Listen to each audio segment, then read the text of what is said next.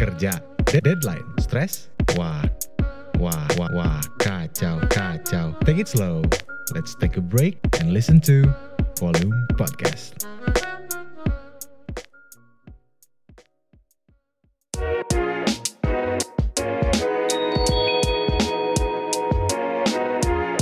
Ya, welcome to Volume Podcast Sam- masih sama gue Uki dan hari ini gue bakal nge-interview orang yang sangat terkenal. Please deh. Apa gitu anjir introducernya tuh. ya nggak apa-apa, yang penting gue, gue kenalin orang yang terkenal di Bandung dan sekitarnya.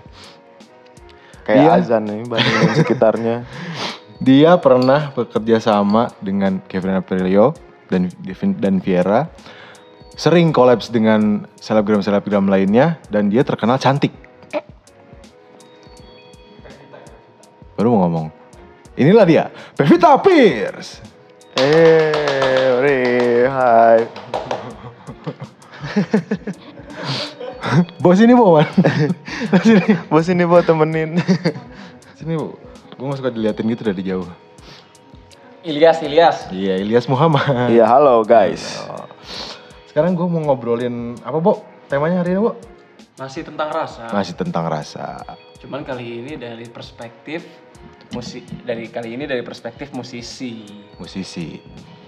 Dari perspektif seorang pelaku musik. Mantap gitu. Oh, oke. Tapi gue sebelum nanya-nanya soal rasa ke lu, Yas. Oke. Pengen nanya sih, lu debut tahun 2016 kan ya? Berarti. Debut. Ya, bisa dibilang seperti itu ya.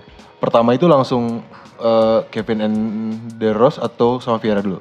Red Rose, Red Rose. Eh, and the Red Rose, sorry. Apa? Pertama tuh sama Viera dulu apa sama Kevin? Sama Kevin and the Red Rose dulu. Hmm, lu di sana jadi vokalis ya? Vokalis. Hmm. Udah berapa single yang lu nyanyiin di sana? Satu album ya kalau sama Red Album. Rose. Oh. Gila lebih produktif Red Rose makanya daripada Science Fiction. Malu gue kadang-kadang. Otak gue lebih lancar bikin lagu cinta-cinta gitu. Aduh.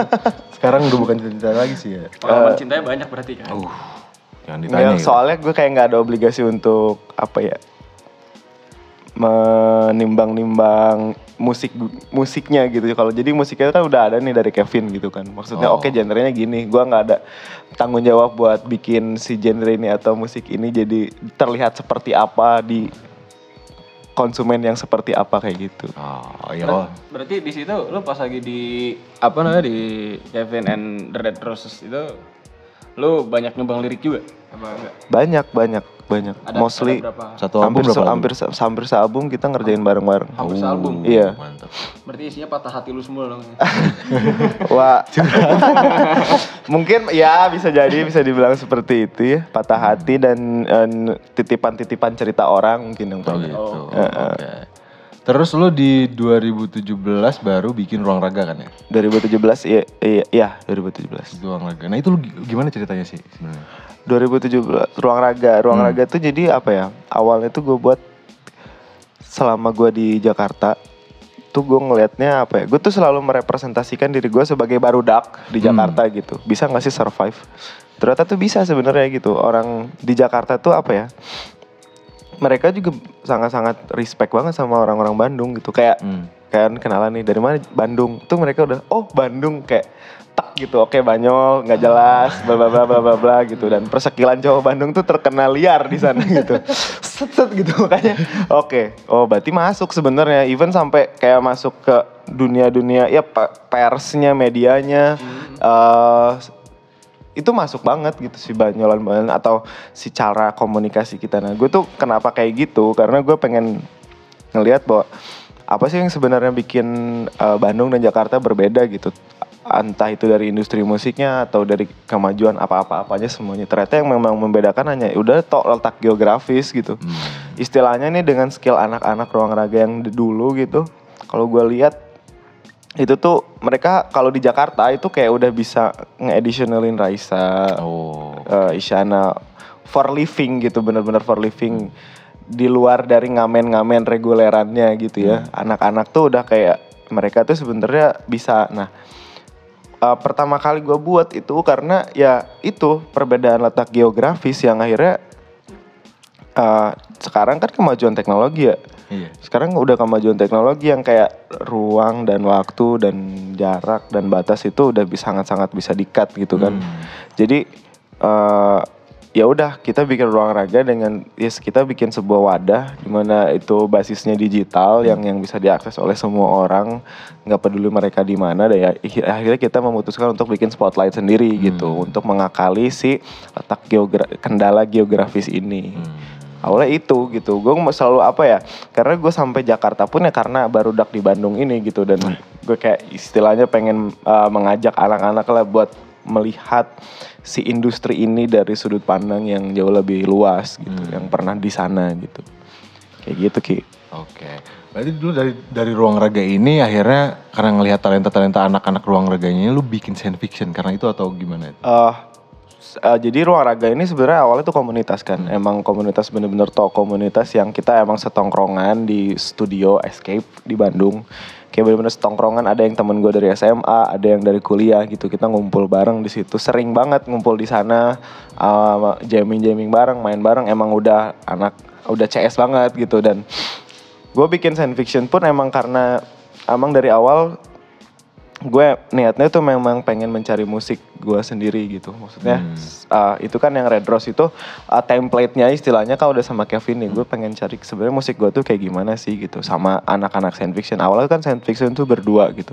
Makanya kayak Fev kita cari uh, musik yang yang yang lu sama gue masuk gitu. Soalnya emang gue sama Pevi itu istilahnya kita sama-sama suka genre musik yang sama gitu Itu kan ibaratnya berarti kan eh, bisa kita bilang inilah ya. Jati diri bermusik ya kan. iya iya Nah itu sampai science fiction menemukan jati dirinya itu kayak gimana itu ceritanya sih sama si Pevi itu berdua. Awalnya kan emang lu berdua doang Iya. ya kan. Gue Iya. ngeliat di band profile lo. Iya.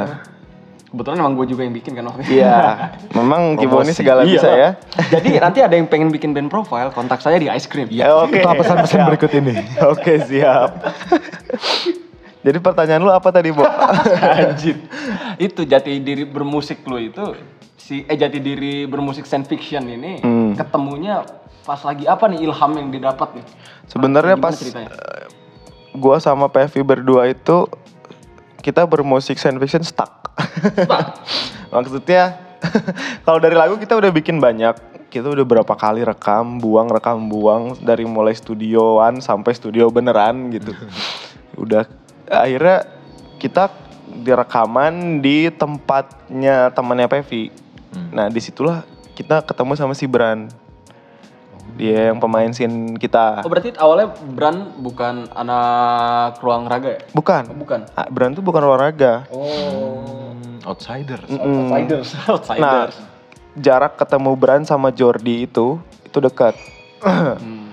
Jadi kayak eh, saat kita pas rekaman itu kita lagi kayak momentum sempet dormen lama si Fiction ini. Soalnya ya cuma berdua terus ya pada sibuk gitu si Pevita sibuk. Wedding lah sibuk apa bla bla bla gitu. Akhirnya ya sempet juga kayak gontok-gontokan anjir Pep lu mana sih Pep ini kan mau bingung ya pokoknya tahun ini harus jadilah keluar minimal single gitu kan. Akhirnya akhir tahun Oktober itu gua rekaman lah. Terus rekaman di studio temannya si Pevi. Ketemulah si Bran di situ. Dia pemain scene kayak eh, mau bantuin lah masukin scene kata gue kan. Anjir alus euy cuy orang teh gitu. Ajakin udah dari situ diajakin. Banyak ternyata si Bran juga sama juga gitu suka sama musik science fiction ini. Dan akhirnya dia kembangin gitu. Jadi dia kita banyak banget sharing tentang hasanah musik baru lah gitu sama si Bran ini gitu. Karena dia eksperimental banget dia tuh gitu. Sound banknya tuh banyak gitu si Bran. Nah itu abis itu ketemu lah Jordi pengerjaan lagu home itu paling cuman satu minggu satu minggu lah total semua Saya saksi matanya. Saya oh iya ya ada Iya. ya satu minggu doang itu pengerjaan si itu tuh pas gue lagi ngerekam lagu sen yang home itu sebenarnya kita lagi ngerekam lagu yang lain gitu Kalau nggak salah sih gue ingat waktu itu. Jadi kebetulan gue sama Ilyas dulu juga pernah sekantor bareng dulu ya. Ya. Kita sekantor bareng. pernah apa masih bro Eh, dulu pernah, sekarang masih. oh iya oke Pemakaian kata lu nggak efektif. oke oke oke Sorry nih. di Jakarta ya Waktu maksudnya di ya? Jakarta. Waktu itu tuh kalau nggak salah lu juga lagi yang lagi doyan-doyannya lo-fi Iya, ya, lo-fi iya. waktu itu kan. Itu sampai lu akhirnya memutuskan untuk ah lo-fi ah gitu. Hmm. Format format band gue lo-fi untuk yang sekarang nih Heeh. itu kayak gimana itu? Akhirnya lu memutuskan untuk lo-fi itu. Memutuskan untuk lo-fi eh sebenarnya tuh gue musik yang enak menurut gue tuh yang bisa gue buat tidur bo. Hmm. nah gue yang bisa yang bisa bikin gue tidur tuh ya suara kalau lu lihat playlist ya playlist gue tuh kayak suara hujan suara gamelan suara angin gitu yang enggak so, anjir buat ukuran musisi teh aing saks gitu anjir. Dan musik yang masuk teh lo-fi gitu yang nggak ada nyanyi yang cuman ya udah gitu kayak suara radio tuh gue enak gitu kalau pakai tidur itu gitu dan sebenarnya tuh yang pas zaman kita di Jakarta tuh bo itu gue juga banyak belajar juga dari lu sih Sih, Jangan gitu dong. Gak banget. gue ngenerbangin lo aja biar oh biar hidung nama kumis lo kembang kempis gitu Iya. For your information, jadi Kibo tuh sangat into banget sama lo-fi Iya, sama dan hip hop, ya dan beat beat apa bo? Beat beat apa bo? Break beat. Breakbeat. Breakbeat. Aceng pilek. Iya, jadi dari situ eh, dan dan ternyata Bran juga bareng gitu sama gitu dia. Emang waktu itu gue lagi ngecoba ngekodok lagu lo-fi. Ternyata kok suasanain juga gitu di Jakarta dengan lu ngulik-ngulik begituan gitu. Jadi makin lah nancep di kepala gue gitu. Ya udah akhirnya pas jadi kayak anjir nih enak waktu si Bran bikin gitu kan. Udah akhirnya gue rekam dan lagu yang lagi dikerjain sama yang kemarin kayaknya ini di stop dulu deh lebih baik kita rilis yang home dulu gitu akhirnya sebenarnya emang se, se- serandom itu sih science fiction tuh kayak kita nggak nggak gue nggak sama sekali nggak target harus maksudnya ya ada mungkin ya ini ha- akhir bulan ini atau akhir tahun ini harus keluar cuman kalau misalkan belum serak belum eh belum dapat gernya tuh gak bakal gue ini gitu Iya. Gak bakal emang rilis. ngejar ini juga kan. Biar enak didengar daripada buru-buru mending Iya. dulu kan. sebenarnya science fiction ini memang kayak project idealis gue awalnya gitu ngajakin Pevi bener-bener kick ya gue udah di Jakarta udah gue udah di Red Rose gue udah di Viera gitu gue pengen akhirnya kayak menemukan musik gue sendiri yang yang gue nyaman at least gitu yang maksudnya yang oh proses pencariannya itu yang dari nol maksud gue kalau nyarinya sendiri atau sama siapa sama siapa itu nggak masalah gitu. Akhirnya gue baca karena gue gak sucks gitu main instrumen gue nggak bisa gitu. Akhirnya gue butuh banyak support support dari sahabat-sahabat gue ini brother brother gue ini yang bisa menerjemahkan isi kepala masing-masing gitu. Gitu. Ya, jadi awalnya science fiction itu cuma berdua eh, Pevi dan Pevita, Bran dan Jordi. Akhirnya sudah mengeluarkan single dan terakhir kemarin ini eh bukan terakhir ya, baru-baru ini ngeluarin single baru Space Between Us, The Space Between Us ya kan? ya benar the Nah, space between us The Space Between Us ini sebenarnya saya sempat dengar rumor-rumor dan ini juga ada rasa yang dituangkan ke dalam single ini benar nggak sih? Sebenarnya mah semua karya pasti dituangin rasanya lagi Iya, Cuma rumor yang satu ini apa ya? Kayak nyelkit banget gitu lah istilahnya. Bener gak? Kalau yang gue denger tuh the space between us itu sempat waktu itu soalnya kita sempat ngobrol juga kan Yes? iya iya iya Yang itu ngobrolin anxiety, social anxiety. Anxiety. Anxiety. Anxiety ya, ada jelek banget bahasa Inggris gue. Anxiety. Anxiety Anxiety Anjing kewo Anxiety. Anxiety. Anxiety. Ya sos Ntar, ntar, ntar, ntar, ntar di-cut itu. Mentang-mentang editor anjing Jadi waktu itu kalau nggak salah kita sempat ngobrol gitu kan. Eh, Kalau nggak salah waktu itu lu cerita itu tentang social anxiety, iya kan? Iya Social, social, social. Social Lah, kayaknya deh Bo. apa-apa, biar kayak kelihatannya Inggris gue bagus banget gitu. Beres, dan itu nggak bacanya nggak social anjing Social. Mentang-mentang society jadi lu society ya.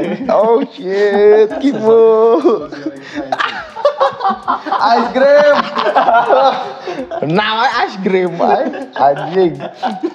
ya itu tentang social anxiety gitu. Ya. kan. Yang lo ceritain itu gimana lu bisa berangkat dari social anxiety jadi jadi the space between us. Iya, kalau disambungin sama rasa ya itu adalah keresahan gua sebenarnya keresahan gua salah satunya apa ya sebenarnya tuh ya memang setiap manusia itu punya barrier nggak peduli mereka sedekat apa pun even anak sama ibu gitu eh, barrier dalam artian kita tuh nggak sampai apa ya nggak bisa 100% ngebuka diri kita ke orang gitu padahal eh, di saat kita nemu orang yang bisa apa ya kita percaya itu untuk membuka menelanjangi diri kita tanpa ada satu pun sat selai pun topeng yang kita pakai tuh itu menurut gua true happiness dan kayak lu pasti nyaman banget sih gitu. Betul dan apa ya the space between us itu kayak bukan menyindir cuman kayak uh, itu apa ya perasaan gua ketika even kepada orang tua atau kepada pacar atau kepada temen.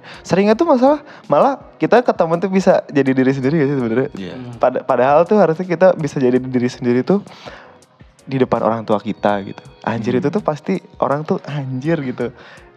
Gue sangat apa ya bukan sirik ya cuman kayak gue apa ya ngelihat orang seorang anak gitu yang bisa jadi diri sendiri di depan orang tuanya dan orang tuanya tuh tanpa ada judge tanpa ada keresahan yang membabi buta gitu Hmm. dan anaknya tuh happy nggak nggak bakal aneh-aneh dia pasti gitu Iya. anak seorang anak tuh nggak bakalan apa ya anak kalau dikasih kepercayaan tuh yakin dah mereka pasti malu kok untuk berbuat di luar Iya. Justru anak-anak yang dikekang dari kecil gitu yang yang nggak boleh ini nggak boleh itu ketika mereka menemukan kebebas kebebasan karena at some point kan seorang anak tuh pasti menemukan kebebasan Iya. mostly itu di zaman SMA atau di kuliah Hmm. atau Iya. kerja Iya. Nah, di saat mereka nemu titik kebebasan itu, yang mereka pikirin adalah bukan menjalani hidup dengan sebaik mungkin, tapi Iya. membalaskan Balas dendam, dendam dulu. membayar utang-utang yang mereka nggak sempat rasakan dan sempat lakuin di saat Iya. di, di saat masa masa-masa mereka masih dikekang gitu. Nah, ya di space between us itu sebenarnya memang ya mungkin ditranslatinnya itu kayak antara perempuan dan laki-laki padahal ini lebih general gitu kepada semua orang yang istilahnya eh, ketika mereka bisa menelanjangi diri mereka gitu Hmm. di depan orang yang mereka percaya Iya. dan mereka berdoa saling telanjang. Iya. Makanya kan video klipnya gitu kan Iya, gitu aduh. yang yang bener-bener plain banget, plain banget gitu kayak main, manekin itu tuh kata gue sih apa ya, ya itu true happiness, true uh, uh, bener-bener nyaman, serenity gitu yang ketika lu bisa menemukan orang yang seperti itu, tuh ya lu nggak bakal anxiety sebenarnya tuh pasti. Iya. Karena anxiety itu muncul dari insecurities kan, insecurities muncul dari apa? Ketidakpercayaan, ketidakpercayaan sama siapa? Yang lebih bahaya ketidakpercayaan sama diri sendiri dan sama orang lain. Akhirnya mereka bingung harus menyalurkan si thoughtnya itu ke mana gitu atau keresahan mereka ke mana. Akhirnya ya udah silet-silet lah, apalah segala macam karena nggak harus ada yang di share gitu beban itu gitu. Iya. Dan ketika kita udah saling telanjang satu sama lain kayak ya udah gue mesti apa lagi yang mesti gue sembunyiin gitu. Ah, sebenarnya lagu itu tuh nyeritain tentang itu bro. Asik bener. Jadi lagu ini selain keren juga bisa healing juga ya. Iya, ya emang uh, rata- rata-rata emang kalau gue nulis lagu emang kayak proses self healing gue juga, ter- Hmm. terapi gue juga gitu, karena gue menyalurkan itu gitu ke karya gue gitu.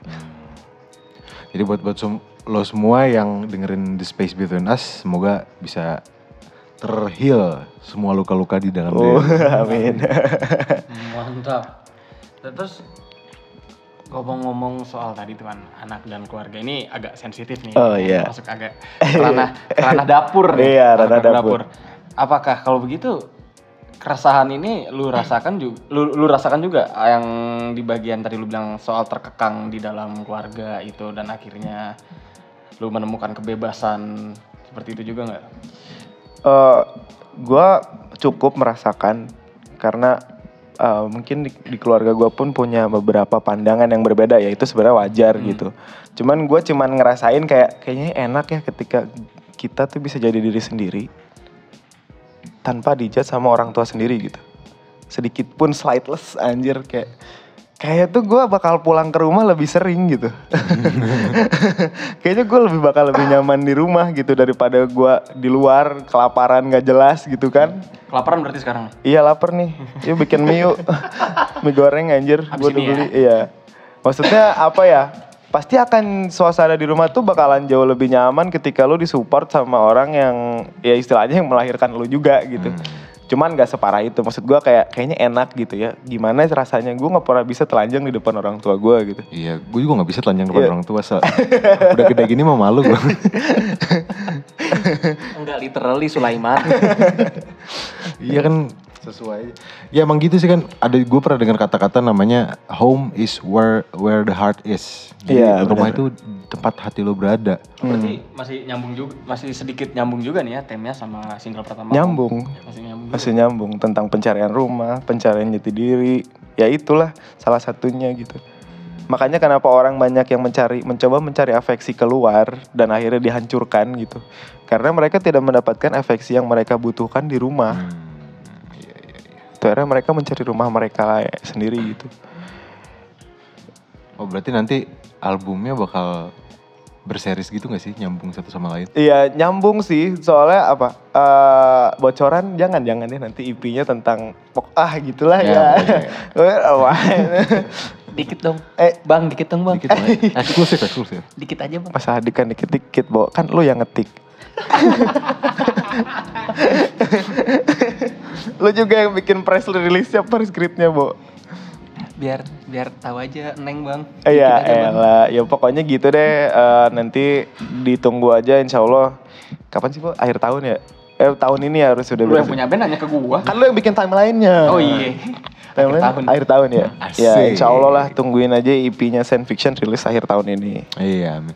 Berarti eh, kegiatan terdekat lo ini sama science fiction di event rewrite bener gak sih? Ya bener banget di rewrite kita bakal main juga Hmm. bakal jadi uh, kolaborator juga emang seru sih pasti rewrite-nya. Ngomong-ngomong soal kolaborator nih ya. Ah, oke. Greenlight nih. Ini gimana ceritanya lu bisa bisa berkolaborasi di sini gitu? Tuh.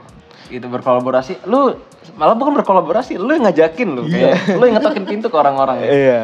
Ini gimana nih ceritanya nih? Diri. ya, Bo, siap aing jelasin ya. jadi gini.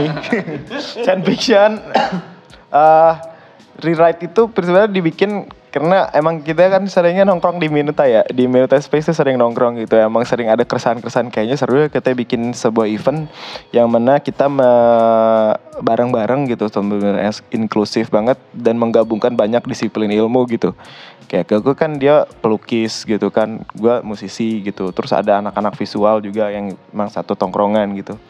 Iya nih kayaknya seru nih. Kayaknya ah, kayaknya apa ya di Bandung tuh terlalu banyak kepala gitu. Maksudnya Bandung tuh gimana ya? Kayak ya lu nggak bisa se nggak bisa apa ya? Nggak bisa jadi teman gua ketika lu belum baca buku yang gua baca atau gua- lu belum dengar musik yang gua dengar lu nggak suka apa yang gua suka gitu. Ya kayak ada barrier gitu di situ ya ada space lagi lagi lagi gitu kan di situ. Soalnya apa ya gue sering ngelihat anak-anak Bandung bikin event eh, kalau ditanya buat apa buat spread the awareness katanya atau buat istilahnya eh, apa menularkan fahamnya mereka gitu. Tapi yang gue lihat kok yang datangnya itu itu lagi itu itu lagi sebenarnya gitu. Maksudnya eh, kok malah ngerasanya kayak ya eksklusif banget gitu. Nah gue pengen nyoba ini bikin sebuah apa ya event gitu sama anak-anak anak-anak yang rewrite juga. Bisa nggak ya kita menggabungkan banyak disiplin ilmu tapi orang-orangnya itu yang bener-bener ada yang nggak ngerti banget sama musik atau nggak ngerti banget sama lukisan. Makanya kita bikinnya di coffee shopnya si Keke karena mungkin nanti di saat event itu pun yang datang malah nggak tahu itu ada acara apaan Iya. gitu. Gue pengen lihat aja gitu mereka gimana ya maksudnya eh, antusiasme mereka gitu ya dengan dengan nanti ada acara seperti itu gue pengen lihat aja kepo gitu. Akhirnya ya udahlah kita janjian bikin bareng. Sebenarnya emang jada- da- lumayan dadakan sih ini bikin event gitu. Dan tap- Sangat dadakan. sangat sangat dadakan. Tapi ya nggak apa-apa lah. At least maksudnya nggak perlu sempurna tapi yang coba kita coba bikin dulu sekali aja Hmm. gitu maksudnya kalau kebanyakan konsep kebanyakan bla bla bla biasanya nggak jadi kan Iya. yang jadi mah selalu yang dadakan Iya, nggak, Ki? dadakan. ya udah makanya kita nanti tanggal 12 datang jangan lupa kalian you are all invited ke Minuta Space di Jalan Pelajar Pejuang ya Uh, depan Hotel Grand Australia Buah Batu nah merapatlah ke sana karena nanti bakal banyak banget ada science fiction ada El Carmoya ada Blue House ada Freaky Diki terus juga nanti ada sharing session bareng sama kolaborator-kolaborator yang lain dari U Visual, dari Crimson, dari si kekunya sendiri, dari ah pokoknya bakal seru deh kita eh, intinya apa ya? Itu kita kita bikin acara buat seru-seruan emang, Hmm. tapi di situ kita pengen membangun sebuah apa ya culture baru di mana bahwa Bandung teh akrab gitu, Bandung teh hangat gitu. Nanti makanya insya Allah lah kalau misalkan ini kalian datang tuh kalian pasti bakal ngerti deh. Kalau gue jelasin di sini susah gitu, makanya datang ya tanggal 12. Oke. Mulainya open gate jam berapa Ki? Jam 6. Oh lu tahu, lu kan interview Oh gimana sih? iya lupa. uh, ingatanku masuk, aku yang bikin rundown. Aduh. research research. Oh research. Oh deep banget researchnya ya sampai rundown rundown tahu ya kalian. Iya, hebat Iya, banget. kan ya. orang dalam. Iya, Oke sip. Jam 6 di Jam 6 Minuta. gitu buka open gate. Tapi kalau mau datang dari sebelumnya juga nggak apa-apa sih. Gak ya? apa-apa banget ya, Nggak itu kan juga coffee shop juga, jadi mau nongkrong-nongkrong di sana silahkan. Mm, siapa tau mau apa ngobrol-ngobrol sama Ilyas atau sama yang Boleh, lain. boleh, gue pasti selalu nongkrong always di Minuta, udah kayak Iya. kantor. Ke rumah malah ya. Lebih kantor Minuta. Ini tuh rumah, gue tuh balik ke sini buat tidur Rumah. anjir. gue kantor di Minuta. gue juga nggak tahu ngapain di sana anjir.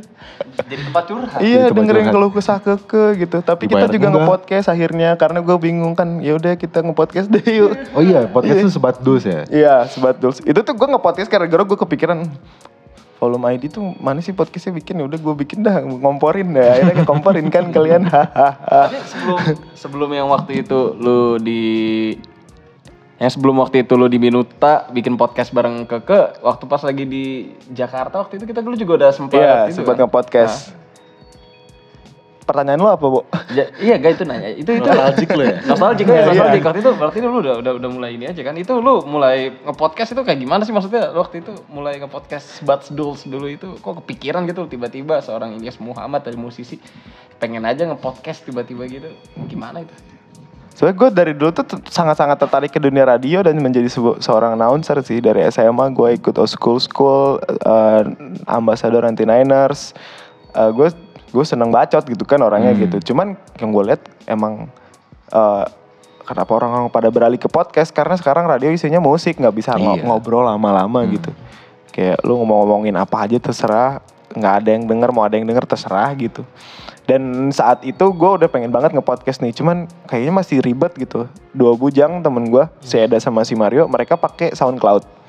Dan itu SoundCloud tuh berbayar buat memorinya, buat langganan apa gitu. ah mahalan, agar males gitu gue kan. Gimana ya, terus tiba-tiba muncullah sebuah ads, anchor, apps. Lagi gue lagi scroll-scroll Instagram. Tek, oh why, why, why, why, bagus nih anjing direkam pakai HP bisa langsung back soundnya banyak bla bla bla banyak udah langsung terupload ke Spotify ke ba- dan 32 platform podcast lainnya kayak anjir ini sih kalau udah segampang ini aing masih nggak nge-podcast juga keterlaluan Iya. gitu. Akhirnya ya memang bablas nggak keterlaluan nggak nge-podcast tuh lama kan Bo, terakhir sama lu kan. Em, ketemu ketemu lagi ya udah pas kemarin udah mulai sama keke kita emang kita sering ngobrol gitu deep talk trash talk semua talk dirty talk semua anjir gua obrolin gitu sama tuh orang atuh anjir. Terus ya udah udah kita nge-podcast aja udah ngobrol aja lancar gitu si Keke tuh pertama kali nge-podcast tuh kayak oh gini ya rasanya ya seneng gak lu seneng iya emang tukang bacot kayak lu tuh butuh wadah-wadah yang kayak gini gitu kan Pantesan pecah banget di episode kemarin. Iya udah, wah itu ditelanjangi sih. Eh yang kemarin ada lagi kan sama si Jai itu. Kayaknya memang, oh kayaknya ini kalau gue udah, kan gue hitungannya ngantor ke Minuta kan. Yaudah gue kerjanya podcast aja gitu, udah daily. Jadi podcast lu, podcast lu rilis setiap hari apa? Jumat jam Jumat, 6 sore. jam 6 sore. Iya, Oke. dengarkan Tungguin ya ya. sebatduls.id. Tuh. Iya. Itu dicek tuh podcastnya. Ya di Spotify ada tinggal sebatduls. Sobat Duls yang mau denger-dengar suara Ilyas yang nggak nyanyi tuh di sini. Dah. Ini yang iya. bacot dan insight-nya Ilyas yang penting di sini tuh keluar semua. Dan di volume podcast juga. Volume podcast juga. Eh, Tenang ini kan lagi kok bro. Itu bakal selamanya ada. Alhamdulillah. Selamanya. Bo Bismillah bikin ya, Pak. skrip terus ya. Eh, Hati-hati itu pernyataan lu. Ya kan gue sama lu capeknya ntar. mohon maaf, emang ada skripnya nih dari tadi? ada. Di otak. Di otak. Dan di hati ya. Dan di hati. rasa, rasa. Oh, rasa, dirasa. Skripnya tuh rasa. Oke. ngomong soal rasa nih. Lagi. Apa sih menurut lu rasa tuh? Rasa. Apa? Maksudnya rasa ya menurut gue ya. Rasa itu rasa itu harusnya dirasakan. Eh, Bener tapi banyak sih. loh orang yang ngerasa tapi dipikirin. Oh bener bener. Karena namanya rasa tuh kayaknya harus dirasain deh. Baru lo kayak pasrah gitu. Proses dari apa yang lu rasain sampai jadi itu lagu diproduksi dan post produksinya gimana sih kayak gitu? Wah, sebenarnya kalau udah ngomongin rasa tuh kompleks banget guys. Karena rasa tuh nggak ada bentuknya masalahnya. Kayak lu kayak bener kata ke kemarin gitu ya. Coba sedih lu Iya, gimana? bentuknya gimana? gimana? bentuknya eh, memang rasa nggak ada bentuknya jadi bener-bener tok frekuensi dan ya kayak apa ya kayak lu ngepiklok berangkas deh kayak strek cetrek cetrek gitu kan ada bunyi-bunyi tertentu yang nggak bisa dideskripsiin gitu cuman kalau secara general tuh pasti kita harus berangkat dari eh, keresahan atau cerita yang nyata gitu yang yang benar-benar kita rasain gitu eh, atau yang benar-benar kita pengen utarain, ungkapin gitu. Terus juga ngaruh sama nanti karena udah dari lirik masih ada tugas dari musik. Hmm. Musik which is anjir itu lebih wild lagi gitu kayak ya, banyak banget elemennya apalagi lofa itu ditambahin suara apa suara apa suara apa gitu makanya itu abstrak sih menurut gua gua nggak tahu cara nakarnya gitu kayak pinch off salah aja tss, udah kayaknya cukup. Ya udah gitu. Terus ditambah lagi apa tambah lagi apa gitu. Sampai apa ya rasa tuh asal kalau bikin dalam proses kreatif itu yang jelas ketika apa ya nggak ada standar kalau bahwa ini musik bagus atau jelek tuh nggak ada gitu kan. Cuman yang ada kerasa tuh pasti ini karya jujur apa enggak gitu. Ya. itu kerasa sih kalau kata gue dan gue cuma berusaha jujur sama diri gue sendiri aja sebenarnya gitu. Hmm. kalau menurut gua dalam diri gua kayak ini masih kurang nih ya blok-blok ya revisi revisi beran. Gitu. Hobi Ilyas, revisi. Revisi. Curhat lu. tapi tapi alhamdulillahnya sih kalau science fiction kita sevisi banget sih maksudnya. Nggak ada yang punya ego berlebihan gitu. Semua udah kayak melebur bener-bener. Kita mau ngeband dan mau maju bareng gitu. Jadi alhamdulillahnya sih nggak pernah ada kelas yang kayak gimana. Dalam segi ideologi bermusik gitu ya nggak pernah ada sih di science fiction aman gitu gitu deh bu. Tentang rasa banyak abstrak banget karena banyak banget faktornya gitu. Istilahnya ya dari keyboardnya dari ketukan drumnya dari drum aja kayak kompresnya berapa kan? Terus ini high-nya berapa low-nya berapa. Ya itu kalau di post produksi ya kayak itu mah harus dicobain sendiri gitu. Dek kurang dek kurang cek, cek, kayak gitu kan? Iya. ya itu gitu. Maksudnya proses kontemplasi rasa itu di situ gitu. Ini me- meraciknya gitu Ya benar berarti ada complicated juga ya. Misalnya. cukup complicated gitu sama kok kayak ya kalau lu bikin karya ya mengelukis juga sama pasti gitu kan atau banyak disiplin seni lain yang atau apa pun karya lain yang yang melibatkan rasa tuh pasti sangat cukup complicated gitu sama dirinya sendiri juga gitu Mhm. yang penting tuh bikin karya tuh jujur sih udah sebenarnya itu aja ya soalnya kalau nggak jujur dan lagu lu meledak dan lu terkenal lu pasti tetap akan merasa kosong. Hmm. makanya itu gue bikin science fiction gitu karena gue lagi berusaha jujur sama diri gue sendiri gitu. Asik. makanya gue nggak target science fiction tuh kayak nggak target "Hmm, mesti kayak gimana mesti jadi apa mesti sekaya apa tuh nggak target gue bener-bener ini kayak bentuk berdamai gue dengan diri gue sendiri dan berdialog gue dengan diri gue sendiri. Gue oh musik lu tuh seperti apa sih ya ini ternyata musik gue ini gitu ya udah sebenarnya dari situ pun gue udah udah udah udah puas tanpa science fiction jadi terkenal tanpa apa tanpa apa kayak gitu loh. Awalnya tuh memang gue pengen jujur sama diri gue sendiri sama karya gue sendiri. Akhirnya gue eh, ngajak lah anak-anak untuk kita meramu bareng-bareng gitu di science fiction.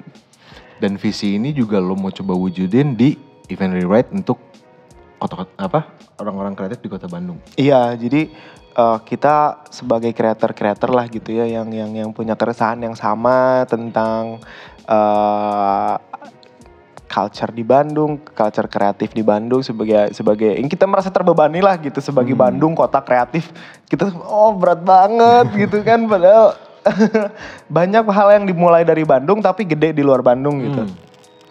Nah, ya salah satunya rewrite ini inginnya menjadi apa ya wadah sih wadah kolaborasi bagi kreator-kreator di Bandung yang yang yang yang bisa mewadahi semua, mewadahi semua. Makanya rewrite itu nanti nggak bakal musik doang tuh pasti banyak disiplin ilmunya. Yang chapter satu ini kan musik sama visual gitu kan. Nanti ke depannya ada lagi, ada lagi, ada lagi. Ditunggu guys Oke, gitu. tunggu ya. Pokoknya kalau yang pertama berhasil, kalau kalian datang kan rame tuh berhasil berarti. Nah itu bakal ada rewrite kedua, sponsornya lebih banyak. Amin. Gitu guys, pokoknya datang ya please banget ini mah datang ajak semua teman-teman lo, semua Ajak teman, bapak, ibu, ya, pacar, ajak. selingkuhan semua. semua ajak selingkuhan satu dua tiga. Hmm. Ada teman gue tuh dia bikin grup tapi anjing dia. Kayaknya gue tahu nih. Dapur. ya bertolong kat ya. Ya oke. Aduh, thank you banget Ilyas ya udah datang ke volume podcast ini walaupun kita Sama-sama. satu kantor tapi terima kasih. iya, tapi kita kan rame gitu ngobrol gini Iya, ya. oke. Semangat terus ya buat volume podcast. Semoga istiqomah. Iya, amin.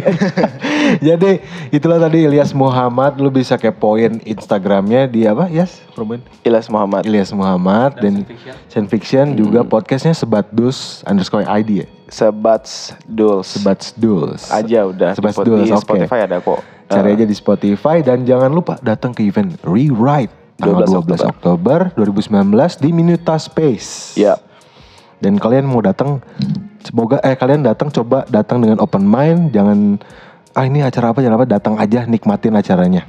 Oke, ya benar. benar gitu. Kalian adalah bagian dari acara ya soalnya. Oke, kamu semua adalah kami. Oke, gue Uki dan ditemenin sama Kibo. Kibo signing off. Thank you and see you on the next volume podcast. Bye. Bye.